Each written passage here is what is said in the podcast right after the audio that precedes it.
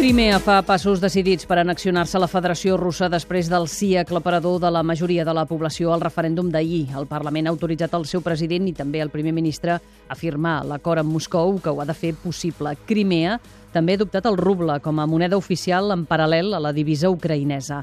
Connexió ara amb els companys que són a Simferopol, amb José Antonio Rodríguez i amb Manna Cortades. Anna, bon dia. Bon dia.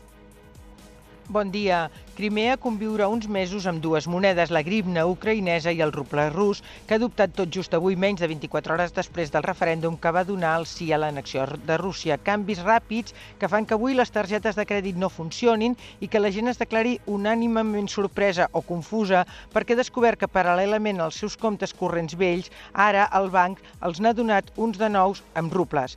Canvis dels quals la gent no es queixa perquè per la majoria ser russos és el més important.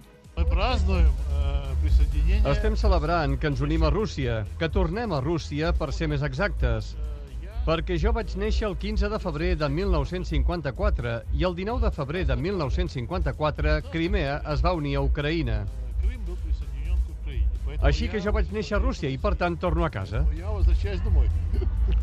Queden però dubtes sobre la, netedat d'un procés que s'ha fet amb soldats estrangers al carrer, unitats paramilitars controlant la situació i amb una campanya electoral tota a favor de l'annexió.